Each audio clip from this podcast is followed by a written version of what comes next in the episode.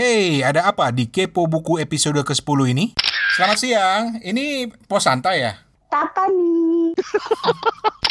Mas Edi, emang bener bukanya cuma Sabtu Minggu? Jumat Sabtu Minggu Serius gak sih bukanya cuma Jumat Sabtu Minggu doang? serius sih Eh, pengennya memang dari penerbit-penerbit kecil aja yang eh, tidak banyak lah ditemui di toko buku besar pos nggak pengen bikin cabang di tempat lain misalnya gitu Ya, pupuslah harapan Steven kenapa buat bikin pos santa di Ambon. beli lisensi gitu ya beli lisensi. franchise, franchise. franchise Buat kita-kita yang mimpi mimpi banget pengen punya toko buku kayak begitu, what would you suggest? Em, Paling Mas Teddy bilang bangun, jangan mimpi gitu. Banget jangan mimpi, udah bikin aja gitu. tapi ya bikin aja sih Oke, di episode Kepo Buku kali ini, di episode 10 kita akan membahas tentang bisnis toko buku dan siapa sih pengelola di balik Pos Santa. Selamat datang eh, Teddy W. Kusuma. Selamat terima kasih bergabung. Steven senang bergabung di Kepo Buku Oke, eh, aku akan mulai dengan jelasin sedikit ya tentang apa sih itu Pos Santa. Pos Santa ini bagi aku sendiri ya kayak toko buku yang setidaknya wajib sekali seumur hidup didatengin gitu. Jadi kemarin itu waktu main ke pos kayak my dream come true gitu. Kayak salah satu pencapaian yang udah masuk bucket list sudah tercentang gitu. Karena kapan lagi gitu kan main di toko buku paling diantisipasi di seantero Jakarta di Indonesia kali ya Asik. karena Pos Santa ini adalah toko buku independen yang terletak di lantai atasnya Pasar Santa, Jakarta Selatan. Mereka menyediakan buku-buku dari penerbit independen Indonesia, beberapa buku second hand juga, dan buku-buku bahasa Inggris terpilih yang mereka udah kurasi. Jadi bener-bener rekomen banget deh.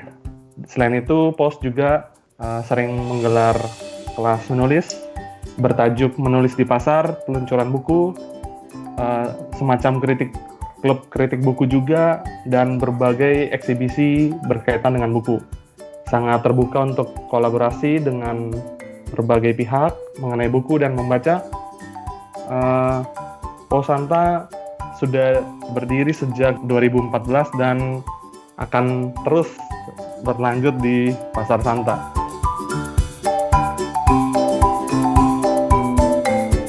Yang kita ingin obrolin di malam hari ini adalah bagaimana sih mengelola bisnis toko buku independen karena kita tahu industri dan skena buku di Indonesia tuh kayak nggak bisa lepas dari distribusi buku-buku yang berkualitas. Aku percaya kalau buku-buku bagus itu harus bisa mendapatkan tempat di pembaca dan salah satu ujung tombaknya adalah para distributor buku ini, para toko buku yang eh, ada di Santero Nusantara. Tapi kembali lagi kita sekarang berada di zaman now, kita butuh lebih dari sekedar toko buku dan aku rasa nggak ada yang lebih menggembirakan, nggak ada yang lebih bagus kalau toko buku itu bisa menarik perhatian generasi milenial seperti Pos Santa. Uh, Mas Toto dan Bang Rane bisa jam in, kita ngobrol tentang gimana sih ngelola toko buku dan gimana sih rahasianya untuk dapetin buku-buku menarik gitu. Aku mau jump in duluan nih Steven. Itu yang tadi dibilang sama Steven, penggambaran Steven itu tepat nggak sih Mas Teddy? pengennya sih tepat tapi ya gitu deh Tapi ketika banyak orang yang punya ekspektasi sedemikian besar seperti si Steven nanti juga Opat akan cerita. Gimana sih perasaannya Mas Teddy? aku em, kaget juga sih kalau ekspektasinya tinggi sekali itu sebetulnya itu toko buku kecil aja ya jadi Iya, kalau orang sen- datang dan senang ya kami juga suka gitu. Tadi kan bertanya tentang bagaimana eh, toko buku bisa kayak lumayan bisa bertahan gitu ya. Em, salah satunya kalau buat pos itu ya karena kami ada di pasar ya, dia harga sewanya lumayan murahan. Banyak toko buku yang tutup dan tidak bertahan adalah karena sewa properti jika bukan miliknya yang cukup mahal gitu. Nah, dengan di pasar itu ternyata jadi lumayan bisa bertahan karena sewanya lumayan murah gitu. Selain beberapa alasan-alasan lain lah kenapa itu ada di pasar gitu. Lumayan sih eh, menyenangkan di pasar karena em, ada suasana guyup juga ya dengan tetangga. Misalnya kami dari awal buka 2014 itu tetanggaan sama Michino untuk eh, apa eh, kedai mie itu. Jadi kami kalau bikin acara sampai karena tokonya kecil bleber-bleber keluar gitu Hmm. nutupin jalan kan. Nah dia nggak apa-apa gitu. Dia malah minjemin bangku gitu. Ya terus sesudah acara diskusi makan mie lah di sebelah. Nah yang kayak gitu-gitu kami dapat sih di pasar juga. Jadi menyenangkan gitu. Nah soal ekspektasinya semoga sih ekspektasinya nggak nggak tinggi-tinggi banget ya biasa-biasa aja itu toko buku kecil yang senang sih kalau Steven senang semoga datang lagi Iya dong, jangan cuma sekali seumur hidup. iya. Ber- berarti gue cuman satu-satunya orang yang belum pernah ke sana ya. Opat udah pernah, Rane udah pernah ya, Iya, gue udah pernah sekali juga walaupun nggak ketemu Mas Teddy. Steven udah pernah. Mungkin pas nanti gue pulang ke Jakarta gue kunjungin deh.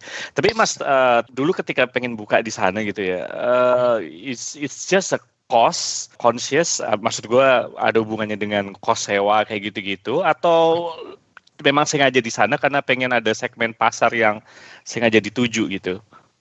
sebetulnya ya kalau dari dulu seperti orang-orang yang suka buku itu pasti Hmm. somehow punya i, apa keinginan untuk punya toko buku lah ya. Nah pas ke Santa itu awal waktu itu tuh ada kedai kopi satu sama satu toko vinil gitu. Mereka kalau lagi restock vinilnya mereka bikin restock party gitu. Nah terus datanglah ke sana kemudian kenal sama mereka. Wah di sini sewanya lumayan nih bisa lah gitu kan. Dan diputuskanlah hari itu juga besoknya cari kios dapat gitu. Duh, Nah. langsung gitu ya. Iya. Karena masih kosong banget waktu itu, cuma ada Oke, dua. oke. Bareng sama Mi itu ketemu Hmm. waktu di sana juga gitu. Tapi sebetulnya jenis toko buku apa yang diinginkan untuk dibuka itu mikir dari sebelumnya juga sih. Kalau punya toko buku pengennya yang seperti apa. Waktu itu gara-gara ke Kineruku itu nemu buku judulnya Rumah Kopi Singa Tertawa, judul eh, penulisnya Yusi Avianto Pariano tak baca di sana langsung suka banget gitu. Kemudian nemu juga bukunya Reda Gaudiamo yang di self publish judulnya Nawila. Wah, ternyata banyak nih buku-buku yang seperti ini. Jadi udah kepikiran nih kalau punya toko buku pengennya yang seperti apa gitu. Nah, waktu itu ada tempat yang memungkinkan ya udah dari dulu sampai sekarang eh, pengennya memang dari penerbit-penerbit kecil aja yang eh, tidak banyak lah ditemui di toko buku besar gitu. Karena Hmm. tadi juga gue sempat bingung sih dengan kata-katanya Steven tadi. Independen apa? Independen. Tapi Mas Terry itu udah ngejelasin nih. Udah gamblang banget. Oh gitu maksudnya. Gue bingung soalnya terus terang apaan sih independen. Iya. ini kayak apa sih em, kan itu kaitannya sama distribusi buku juga ya tadi kan Steven nyinggung kalau kita pener eh, kita menerbitkan buku jadi penerbit gitu untuk bisa ditaruh di toko-toko buku besar kita minimal cetak 2000 2500 eksemplar gitu terus Hmm. eh, didistribusikan eh, dengan mekanisme konsinyasi jadi konsinyasinya cukup besar juga 57% lah Hmm. dan kalau bukunya nggak laku gitu kan dia balik ke gudang atau atau bahkan agak sulit untuk menariknya gitu. Udah kita keluar banyak, terus konsinyasi pula gitu kan. Hmm. Nah sehingga eh, akhirnya eh, yang mau diterbitkan kan sangat ngikut selera pasar lah gitu. Betul. Sehingga adalah eh, penerbit-penerbit yang bisa menerbitkan dalam jumlah buku kecil aja 500 gitu kan, 1000 paling banyak kadang nyetak Hmm. melalui jalur-jalur ya kayak seperti ini toko buku kecil gitu dan sekarang agak tambah marak lagi ya karena em, untuk menjadikan etalase buku itu kan nggak cuma di toko buku sekarang di jualan di Instagram juga kan kayak Satria Buku gitu Yep, Hmm. yep. jadi pilihan-pilihan untuk jalur distribusi itu makin banyak ya sekarang Hmm. karena itu jadi semarak lah sekarang buku dan aku ingat sih dulu tuh orang mm, 2014 pas baru buka itu setiap datang pas dibilang nih toko buku-buku independen gitu pasti dikira yang nggak laku di toko buku besar gitu loh misalnya. Um, gitu ya. Iya, awal tuh gitu. Ini self publish semua ya gitu. Padahal uh, major publishers juga menyediakan jasa self publishing kan gitu. Hmm. Um, dan tidak semua self publishing juga jelek kan gitu. Nah, um, jadi pelan-pelan sih kayak misalkan tiga tahun terakhir ini eh, penghargaan-penghargaan karya sastra gitu yang menang selalu dari penerbit independen gitu. Eh, Hmm. Tahun kemarin itu dari Banana, sebelumnya Margin Kiri, sebelumnya Banana gitu. Jadi Hmm. sekarang orang udah mulai penasaran sih dengan eh, apa penerbit-penerbit kecil ini apa ya yang mereka akan terbitkan. Eh, aku mau nanya lagi nih, apa atau siapa yang mempengaruhi pengembangan Posanta setelah eh, 2016 kembali direnov jadi lebih gede dan mengapa ap- hal-hal itu mempengaruhi pengembangan Posanta? Hmm, sebetulnya pos tuh dulu dibantu banget itu dari banyak banget an- orang baik-baik ya, kayak penulis-penulis itu baik-baik banget sih. Hmm. Jadi em, waktu itu ukuran pertama itu kan dua kali 4 meter persegi ya. Hmm. Terus ada eh, mereka mau gitu loh bikin acara di sana, ngasih kelas menulis dengan cuma-cuma gitu. Jadi banyak teman-teman baru lah yang ditemukan eh, sambil menjalani pos ini gitu. Dan ya mereka menyemangati akhirnya wah ini kalau nyewa sebelahnya lagi kita bikin diskusi bisa lebih gede nih gitu. Hmm. Jadi emang alasan-alasan kayak gitu sih em, yang membuat dan memang banyak yang mau bantuin. Kayak ya sampai sekarang sih kalau bikin kelas nulis gitu em, banyak sih yang bantu-bantuin itu.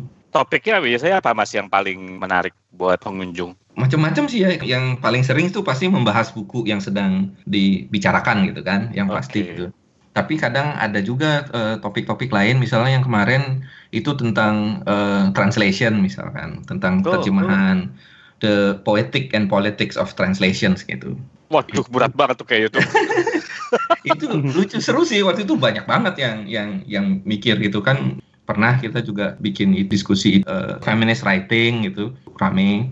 Terus soal mendapatkan hak penerjemahan misalnya waktu itu, eh, nah itu juga baik banget Roni Agustinus, pendiri eh, penerbit Margin Kiri, itu adalah salah satu penerbit independen yang mendapatkan hak terjemahannya dengan benar gitu, ngurus Hmm. right-nya dengan benar. Nah waktu itu Roni datang dan mau berbagi tentang apa sih yang lu harus lakukan kalau mau mendapatkan hak penerjemahan, negosiasinya gimana, kontraknya gimana. Nah, nah eh, apa diskusi itu ramai banget penerbit-penerbit kecil pada datang gitu. Terus apa lagi ya? Oh pernah misalnya yang ramai juga bahas the Beat Generation misalkan. Em, itu kan satu kelompok penulis yang disebut define their generation lah ya. Ya, Hmm. Jadi ngomongin karyanya Jack Kerouac dan lain-lain gitu. Jadi kalau kepo buku bikin taping live di situ boleh dong ya? Oh iya boleh. Boleh. Ada waktu itu yang nge-podcastin waktu itu acara apa ya? Eh, oh waktu itu tentang sastra anak ada. Terus em, ada juga waktu itu bahas heavy metal parents buku tentang gimana sih orang-orang yang sangat suka heavy metal di tahun 80-an itu saat sekarang mereka menjadi orang tua gitu. Itu keren banget tuh buku. Udah pernah ya lihat ya itu risetnya. itu eh, eh, waktu itu dibahas di di podcastin juga waktu itu. Tapi ini topiknya keren-keren loh yang pernah di sono. Kalau kita bikin podcasting di sono, rusuh tuh toko buku.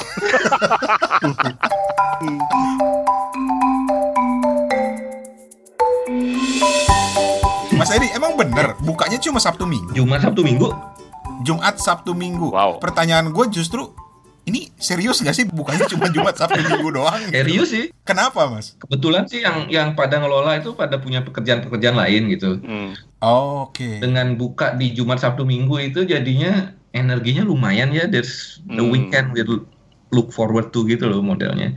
Karena gue terus terang baru kali ini gue ngobrol sama orang yang ngelola toko buku independen. Jadi mungkin sudut pandang gue adalah dari segi bisnis menguntungkan nggak gitu loh. Mungkin gue mikirnya dari, dari situ mas. Kalau itu sih bisa lah bertahan gitu loh. Maksudnya Hmm. pos masih sudah aman ada di sana sampai 2023 Asik. misalnya. Kami kan juga targetnya tidak tidak besar ya. Pos nggak pengen bikin cabang di tempat lain misalnya gitu. Ya pupuslah harapan Steven Kenapa? Kenapa? Buat bikin pos Santa di Ambon. Beli lisensi gitu ya. Beli lisensi. franchise, franchise. Franchise. Kalau kita bilang Posanta yang jual buku-buku independen, kira-kira jenis buku-buku apa aja yang bisa pendengar kepo buku nih temui di sana? buku-buku dari penerbit independen, fiksi dan non fiksi naratif ya. Jadi kalau yang fiksi novel, cerita pendek, eh, kalau yang non fiksi naratif itu juga banyak yang menyajikan wacana-wacana alternatif lah. Hmm. Oh satu, satu juga eh, buku yang dulu membuat kami sangat pengen untuk men- menjual Membuat buku dari penerbit independen gitu. Misalnya bukunya eh, terbitan margin kiri, judulnya apa kekerasan budaya pasca 65 misalkan gitu. Bagaimana negara menjustifikasi mass killing dan dan eh, apa eh, pembunuhan yang massal itu melalui karya-karya kebudayaan, cerita pendek, film, Hmm. eh, em, itu gitu. Nah, waktu itu nemu buku itu juga seneng banget dan bagus banget gitu. Jadi pengen sih buku seperti itu yang yang bisa dibaca lebih luas gitu. Atau misalkan eh ya itu wacana-wacana alternatif sih misalnya bu- buku judulnya Timor Timur itu eh, ditulis Hmm. oleh Naldo Rey, eh, freedom fighter Timor Leste eh, dan dia sudah eh, ikut ikut berjuang sejak usia dia 9 tahun gitu pada masa ketika Indonesia menjajah Timor gitu. Nah, itu mungkin narasi yang tidak banyak di, di, di- dibuka di, di Indonesia gitu. Nah, buku seperti itu sih yang kami pengen untuk bisa eh, dibaca lebih luas gitu. Siapa yang memutuskan untuk memilih buku yang akan dijual di Pos Santa? Mengkurasinya lah. Kurasi. Kami semua sih saling mengusulkan ya, tapi eh, sangat mencoba untuk bisa conscious juga dengan pilihan-pilihannya gitu. Eh, se- se- sebisa mungkin beragam eh, dari sisi eh, laki-laki, perempuan, eh, backgroundnya gitu. Jadi supaya ke- keberagaman itu juga ada di toko buku itu. Itu sih yang pengen biarpun koleksinya kecil, kami semua saling merekomendasikan lah buku-buku supaya tetap bisa beragam gitu. Menarik. Ada opat udah gabung nih akhirnya. Eh opat Halo. Mas Teddy, nih dua anak muda di Kepo Buku inilah yang manas-manasin kita. Lu harus tahu Pos Santa gitu katanya. Hmm. Terima kasih Opat, Steven. Op-. Opat itu fans berat. Fans berat ya, Pat ya. Fans berat Pos Santa ini dua orang ini. Aku kan eh, sebelum riset, kita kan riset dulu nih sebelum rekaman kan. Terus aku bilang apa yang menarik dari Pos Santa untuk kita bahas? Itu Steven udah la- langsung bikin tiga paragraf itu di WhatsApp. Wow. Bacain dong, guys. Itu yang tadi intronya Steven itu. Itu udah disingkat itu kalau dibacain semua satu jam sendiri itu. Kalau aku sih kan tadi gabungnya bareng dari buku-buku yang di yang dikurasi sendiri gitu kan. Buku apa yang paling laris sampai sekarang ini? Eh, buku Nawila ya, Nawilanya Reda Gaudiamo itu. Itu cerita anak kecil dengan setting Surabaya tahun 60-an. Nah, dulu buku ini dulu, dulu itu di self publish. Kami nggak sengaja nemunya di kedai Cikini. Langsung dibaca di di sana dan habis dan pada saat membuka toko buku itulah buku yang selalu kami promosikan. Dan setelah itu habis, kami kan pos juga punya press gitu penerbitan. Nah, buku itu yang kami terbitkan dan mungkin karena kami promosiin yang paling gencar juga gitu dan memang bukunya bagus sekali. Jadi ya laku dan pa, bu, minggu kemarin buku itu diluncurkan juga di Inggris sudah diterjemahkan oleh Emma Press dengan judul The Adventures of Nawila gitu. Karena memang bukunya bagus sekali gitu. Wow. Jadi dari dulu sampai sekarang buku itu sih yang yang yang salah satu yang paling laris selain juga eh, Rumah Kopi Singa Tertawanya Yusi Avianto Parianom. Hmm. Jadi memang kayaknya buku-buku yang laris di pos itu ngaruh juga dengan buku-buku yang kami suka gitu. Jadi kalau kami betulan suka, eh, pengennya tuh pas merekomendasikan buku tuh bisa jujur gitu. Eh, memang kami suka ini dengan alasan ini gitu. Eh, kalau di pos itu kira-kira setelah dikurasi setelah eh, buku tersebut dipajang kira-kira ada nggak perasaan kalau em, semacam ini kayak kira-kira buku ini bakal bakal laku nggak ya? Karena straight to the point aja kan eh, income kita revenue dari toko buku itu kan eh, kurang lebih sedikit banyak dipengaruhi oleh permintaan pasar gitu ya. Apakah ada perasaan-perasaan semacam itu? Kalau di prinsipnya kami kan menjual buku yang kami sukai gitu.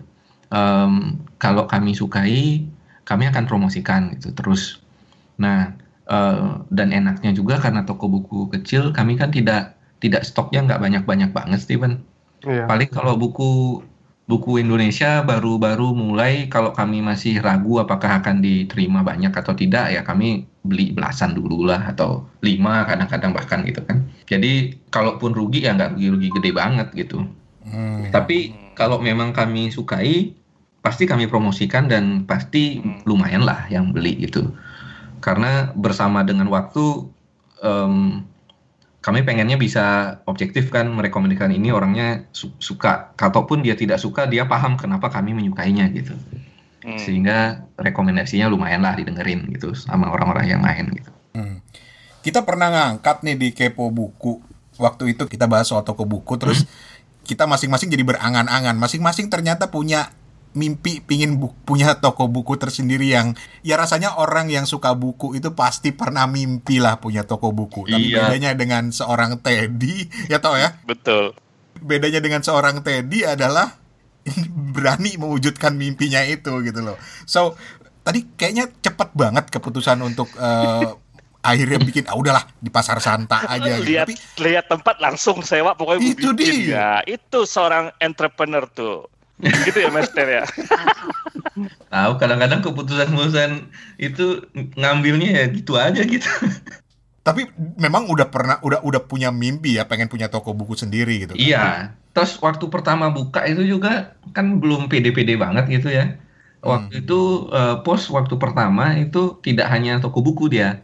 Dia juga jadi bisa ruangannya bisa dipakai untuk orang mau pameran gitu. Ada waktu itu orang Hmm. bikin eh, apa eh, pameran sketch gitu-gitu kan. Nah, tapi sesudah lima bulan, enam bulan, kami pikir passion utamanya buku gitu. Jadi sesudah eh, bulan ke-6 kami memutuskan hanya toko buku dan kegiatan-kegiatan yang terkait sama buku aja gitu.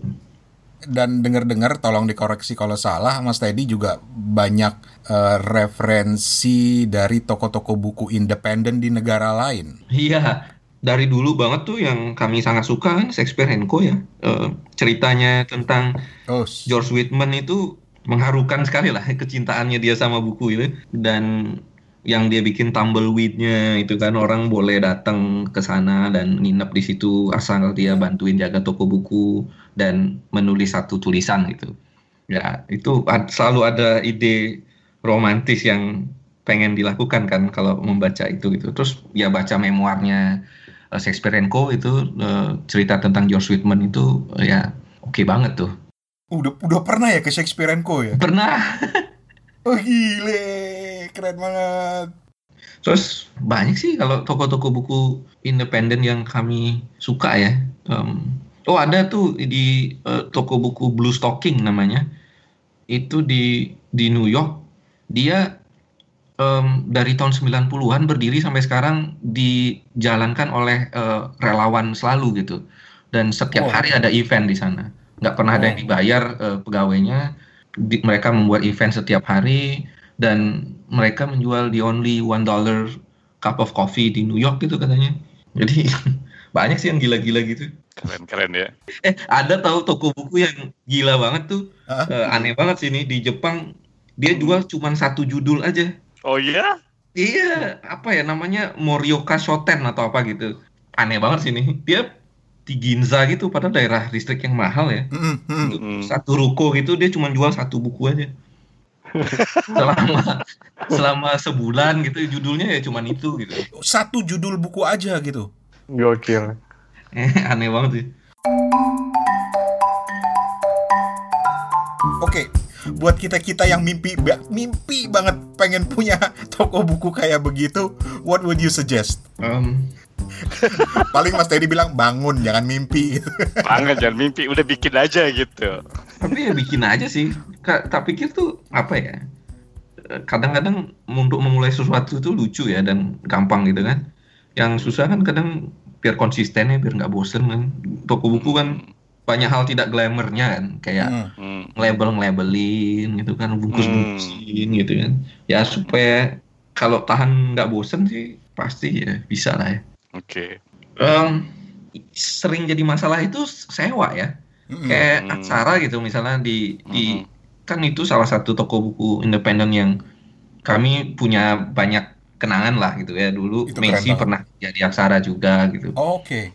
Mm, eh, eh, dari tahun 2000 kan udah ada gitu dan tahun lalu ya karena memang nggak bisa nutupin operasional karena ada di mall kan di Pacific Place di Pondok Hmm, Indah hmm, hmm. Eh, biasanya eh, tutup gitu ya itu salah satu ininya adalah sewa sih sewa properti ya. Kalau kini ruku tuh enak karena punyanya sendiri kan udah eh, tempatnya. Jadi Hmm. yang selalu jadi masalah itu eh, sewa sih. Sewa. Sekarang aksara di udah pernah ke aksara Kemang yang sekarang nggak? Uh, belum malah. Itu Ya. dia eh, ada buk, toko bukunya tapi akhirnya memang karena lokasinya cukup premium itu kan mahal juga sewa dan apa memang harus ditunjang dengan beberapa eh, unit-unit bisnis lain gitu. Jadi dia kan nyewain juga buat Ganara Art Space gitu. Jadi eh, Hmm. terus ada kopi ada ada bakmi juga di situ ada ke, ke kedai foto juga. Jadi emang ya gitu sih menurutku yang dipikirin eh, Jadi properti ya. ya. Propertinya ya. Iya mahal soalnya nyewa dan buku kan marginnya ya biarpun eh, kami lumayan baik sama eh kan penerbit independen kan eh, ngam- motong cuma 30-35 persen gitu dari harga buku dan itu kan mar- bukan margin yang besar ya Kalau di Posanta tuh kedua ownernya nih kepuasan kalian yang paling gede tuh lihat omsetnya gede atau lihat orangnya datang yang banyak? Beuh, Ayo. pertanyaannya. Dua-dua Oh, aja. di pos udah ada nambah satu lagi nih Apa tuh? Reda Reda dia gabung juga di pos Ah, oh iya iya iya. ya dia kan habis pensiun tuh Desember 2 tahun lalu terus Hmm. dia mau melakukan hal-hal menyenangkan aja gitu salah satunya gabung di pos Oh gitu.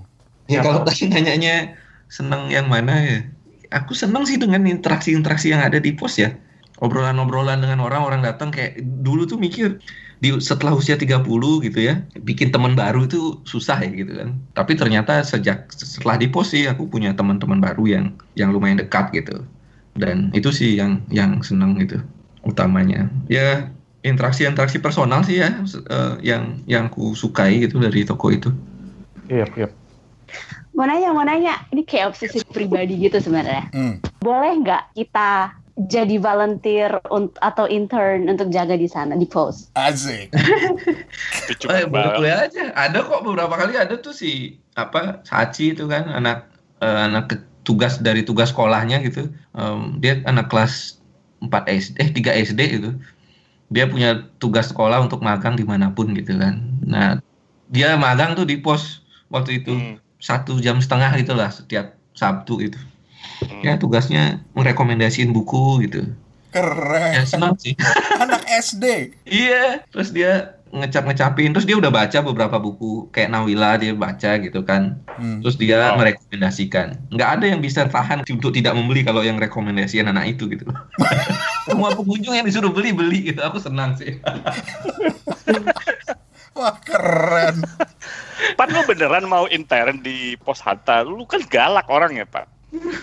Kata siapa? Boleh kan ya? Tadi ya. Nembak langsung. Eh, lo main todong aja. Apa namanya kalau kamu main ke sana ada anak ke- kecil bondol itu namanya Dodu. Dia itu Hmm. kenal di sana sampai sekarang itu setiap dia main ke sana dia lagaknya seperti penjaga pos ya? lah gitu ya. Mm-mm. Oh gitu ya. Oke Iya. lah, nanti diterapkan deh. Oke, dengar-dengar melirik penerbitan juga, Mas Teddy. Iya, sudah sejak 2017 Wow. kami menerbitkan em, dua judul aja setahun. Kecil jadi bisa bisa yang betulan kami semua suka gitu. Tapi kalau yang penerbitan selain aku dan Messi ada dua kawan lain yang dulu juga sering main ke pos dan bantu-bantu lah gitu, Dani dan Avi namanya. Hmm. Jadi kami berempat bikin penerbitan cuma dua judul aja setahun gitu. Buku apa aja yang udah nih, yang yang terbaru lah. Yang ini sekarang lagi ngerjain eh, buku lagi ngedit nih eh, judulnya Lucifer Lucifer gitu tentang gereja karismatik gitu. Ini yang novela itu ya? Iya, Heeh, itu jadi em, kami pengennya bukunya cukup diedit dengan proses yang lama gitu-gitu kan. De- jadi kami workshopin bukunya bareng ber- berempat plus penulisnya Em, merombak bareng-bareng tuh sampai sampai jadi gitu. Nah pengennya ini terbit di bulan eh, April atau Mei lah gitu. Tapi ada ada spesialisasi khusus nggak buku apa gitu yang akan diterbitkan oleh eh, Mas Teddy dan teman-teman ini? Ya sama seperti toko bukunya buku yang kami suka gitu kan. Hmm. Tapi nggak ada spesifik banget sih. Dulu itu em, yang pertama kami terbitkan buku sastra anak gitu waktu itu. Hmm. Em, karena kami suka banget dengan naskahnya gitu. Yang Nawila itu. Bukan, waktu itu judulnya Aku Maps dan Babs itu. Oke. Itu ibu dan anak itu yang nulis. em, waktu ibunya penulis, waktu anaknya usia lima tahun dia tuh penasaran ibu ngapain sih gitu. Terus dia pengen juga nulis, terus dia mendiktekan, diketik sama ibunya. Terus sekarang anak itu udah usia 25 tahun. Lihat lagi bu, catatan-catatan lama ibunya gitu. Terus mereka kerjain bareng menjadi satu buku. Manis banget dan dan Hmm. bagus sih karena kayak em, apa itu buku anak-anak yang tidak em, eh, melawan beberapa stereotip lah gitu. Misalkan itu ibunya adalah tokoh ibu yang bekerja bapaknya adalah stay home dad. Anaknya itu anak yang ingin berambut keriting dan berkulit gelap seperti bapaknya. Sementara sekarang kan orang menganggap kulit yang cantik tuh kulit putih gitu. Banyak hal-hal seperti itu yang disampaikan dengan subtil gitu di buku itu yang kami suka gitu. Jadi terbitlah gitu. Ini buku Terus- bukunya Mbak Reda juga kan ya? Iya, Reda sama Reda sama dengan anaknya. Oke. Terus yang kedua kami terbitkan itu bukunya Michael Johani namanya. Judulnya We Are Nowhere and It's Wow. Itu buku puisi yang kami suka karena dia penulis yang code switching gitu kan. Terus dia juga s- eh, apa di Indonesia memang masih belum banyak penerbit yang menerbitkan buku dalam bahasa Inggris gitu kan. Karya penulis Indonesia yang memang menulis dalam bahasa Inggris. Dan buku ini, puisi-puisi ini kami sangat suka, makanya diterbitin kayak gitu. Terus kemudian yang Nawila lanjutannya. Soalnya Nawila pertama itu karena udah habis sekalian diterbitkan karena waktu sejak ke- kenal sama Mbak Reda kami kan mengomporinya untuk melanjutkan tulisan Nawila ya. Nawila itu bagus banget dan Hmm, hmm. harus lanjut gitu. Terus bareng-bareng lah. Eh, kemudian Mbak Reda membuat naskahnya, terus kami kami bahas bareng-bareng jadilah Nawila yang kedua gitu. Asik. Terus sebetulnya eh, aku dan Messi kan nulis juga gitu. Tapi awalnya tuh nggak enak kalau diterbitin di penerbit sendiri gitu. Jadi waktu itu kami tawarkan ke penerbit lain, penerbit independen lain yang sangat kami suka yaitu penerbit Oak. yang ter- sudah Iya, terus eh, setelah cetakan kedua itu mereka bubar gitu. Jadi wah, ya udah.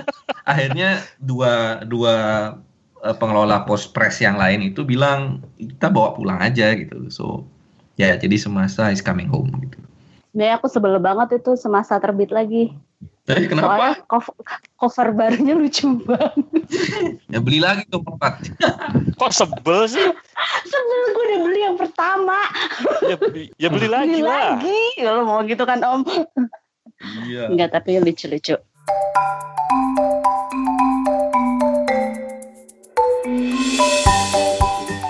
Mas, Yap. ceritain dikit dong soal semasa. Soalnya Um. nih bocah dua ini sering cerita nih, pernah cerita tentang buku semasa. Terus kita juga pernah denger, aku pernah denger juga sekali di ngobrol di Podluck gitu. Tapi jadi penasaran tentang semasa ini. Sebentar, sebentar, boleh aku kasih cuplikannya dikit ya? Wes sedap. Oke, eh, cuplikannya kayak gini. Eh, masakan juga yang mempertemukan Bibi Sari dan Paman Geofridis. Saat itu Paman adalah koki muda yang baru saja membuka restoran kecil khusus maka- masakan Yunani. Pertemuan dalam sebuah undangan makan teman Bibi Sari di restoran Paman yang diikuti oleh pembicaraan berlarut-larut tentang masakan membawa mereka pada janji pertemuan berikutnya, berdua saja. Papamu itu Saci, pamanmu itu Coro. Dulu ia merayuku dengan masakan yang dengan yang ia sebut berasal dari negeri para dewa. Oh, gayanya licin sekali, kata Bibi Sari suatu kali. Apa betul rasanya seperti makanan dewa-dewa? Tanyaku. Kala itu para orang tua sedang bersantai di sofa sementara aku dan Saci adalah dua bocah yang duduk bersila di lantai. Mungkin dewa mabuk, Bibi Sari tertawa. Ia lalu berkisah betapa enaknya masakan paman Geofridis muda, obrolan soal masakan yang mengalir lancar, juga soal kencan pertama yang rupanya diisi dengan alkohol yang agak berlebih. Sesudah beberapa botol anggur, Geofridis mulai bergaya seperti filsuf. Ia pikir ia lebih bijak dari Zeus atau lebih cakep dari Hercules. Aku juga begitu sih, aku mulai melantur soal kehidupan sesudah mati, proses terbentuknya semesta, dan entah apa lagi. Wow. Jadi tambah Oh, penasaran.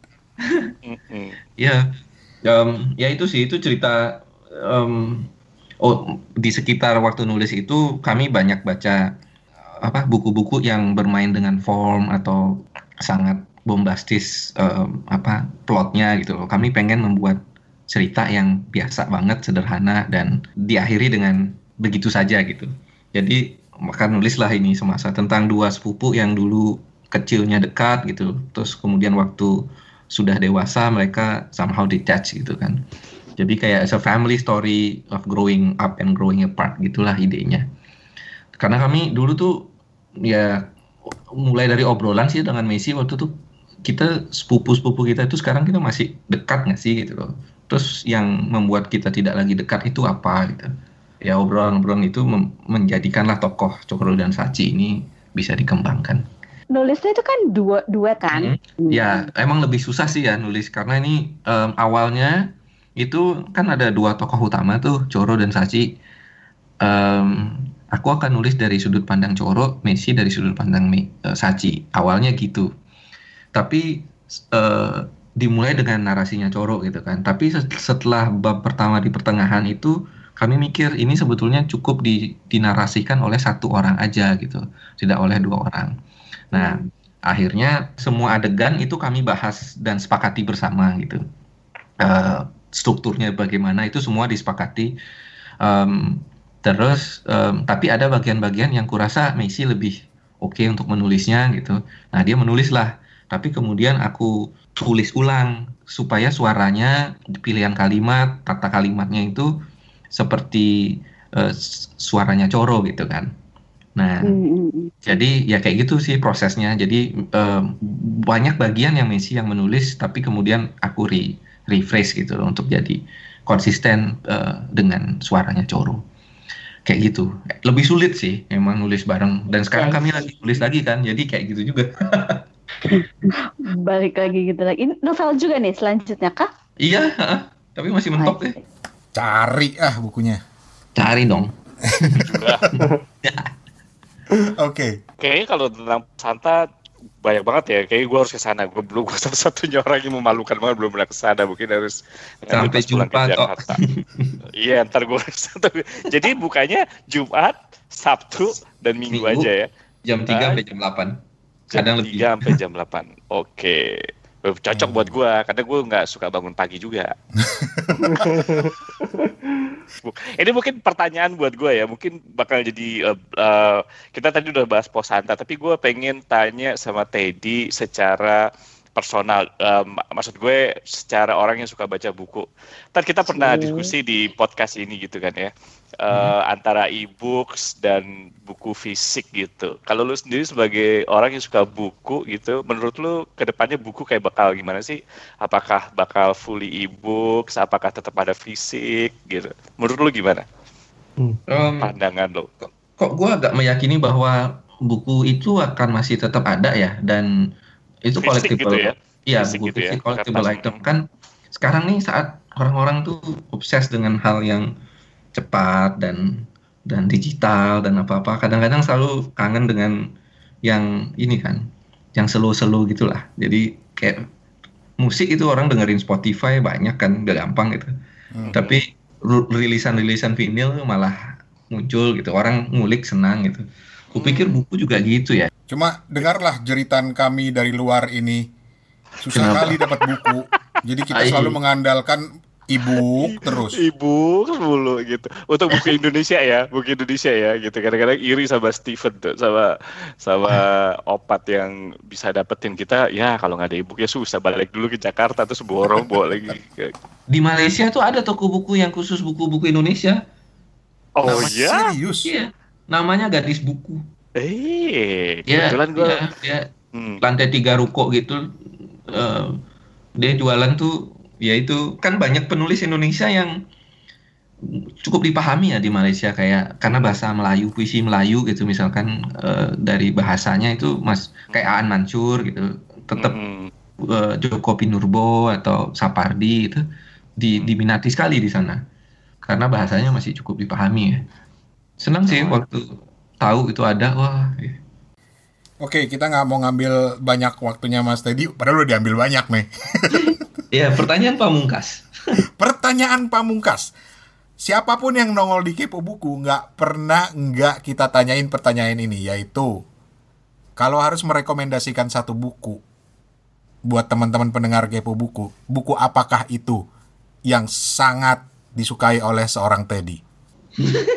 Iya, bingung kan. Ini tukang tukang jualan buku kita minta cerita satu buku aja. Bingung. Kan Bingung, pasti. bingung. Hmm.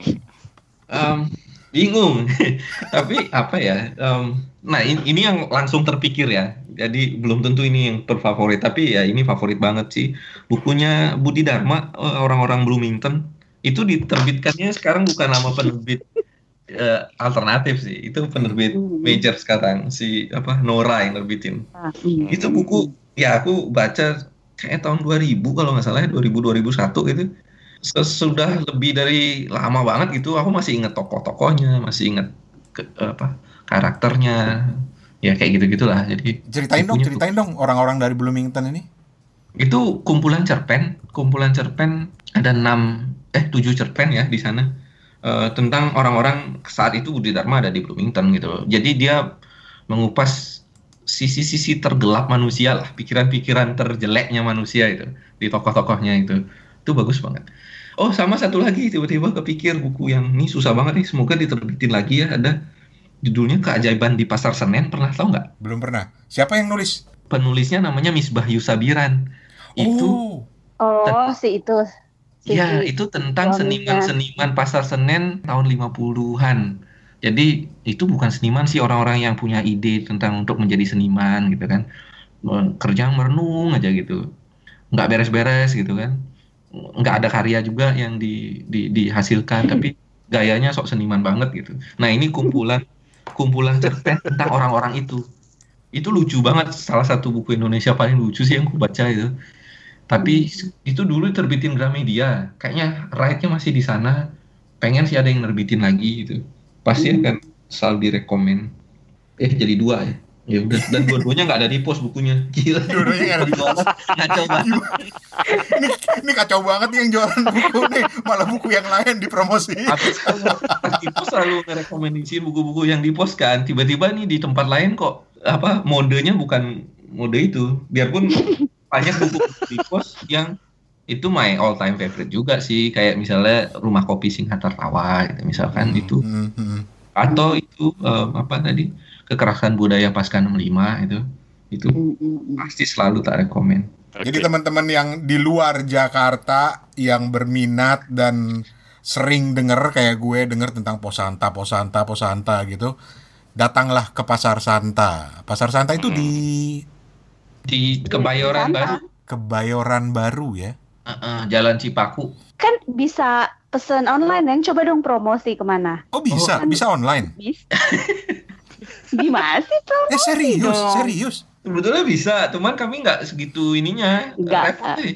Em, apa tapi emang bisa sih mesen eh, email gitu ke pospasarsanta at gmail.com gitu Eh, sebutkan nama judul buku dan dan alamat kirim bisa cuman emang kami nggak bikin katalog nggak bikin apa web yang mudah untuk orang beli online gitu Posanta tuh ada websitenya nggak sih atau Instagram atau Facebook? ada Instagram ada post underscore santa eh, Post. Instagramnya kalau eh, websitenya ada postbookshop.com cuman itu kayak placeholder aja sih tempat kami kadang taruh tulisan atau apa gitu Oke. So, thank you. Makasih banget Mas Teddy udah ngobrol. Terima Terima kasih. kasih, senang ngobrol. Terima kasih banyak. Terima kasih. Sampai ketemu nanti di Pasar Santa. sampai jumpa kabar-kabarin ya jumpa. kalau main Sip. Oke, eh, Mbak Opat nih serius mau jadi intern di Posanta nih. Kenapa kenapa Steven? Eh, latihannya Mbak Opat gimana nih kalau misalnya Bang Rane yang datang nih? Ucuk ucuk ucuk Bang Rane datang. Gimana nih? Tahapannya. Oke, gue datang. Ini nih nih nih gue datang ya, gue Latihan, datang ya. latihan. Gue ah, datang ya, gue datang ya. Ini ceritanya gue udah kenal belum sama Om Rane? Belum Belum. dong, ceritanya belum. Oh, Ceritanya belum ya. Ceritanya Latihan belum. dulu nih. Ya. Selamat siang. Ini Pos Santa ya? Maaf mas, belum buka. Kan masih siang. Ntar sore bukanya. Datangnya kepagian lu, salah.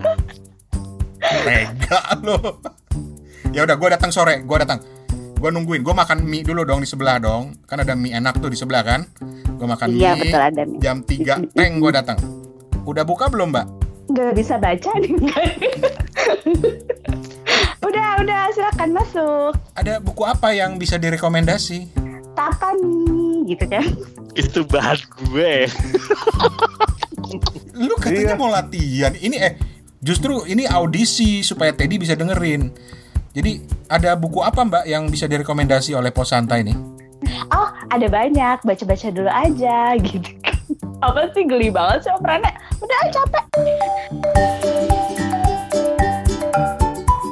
Oke, tadi kita udah dengerin obrolan dengan Teddy, pendiri dan pelaksana toko buku Posanta. Gimana nih reaksi dan kesan-kesan dari Bang Rane, Mas Toto, Mbak Opat? Gua duluan deh. Rasanya menyenangkan banget gitu ya bahwa suka buku, mimpi gitu ya. Terus mewujudkan langsung bikin toko buku tuh kayaknya asik banget gitu loh.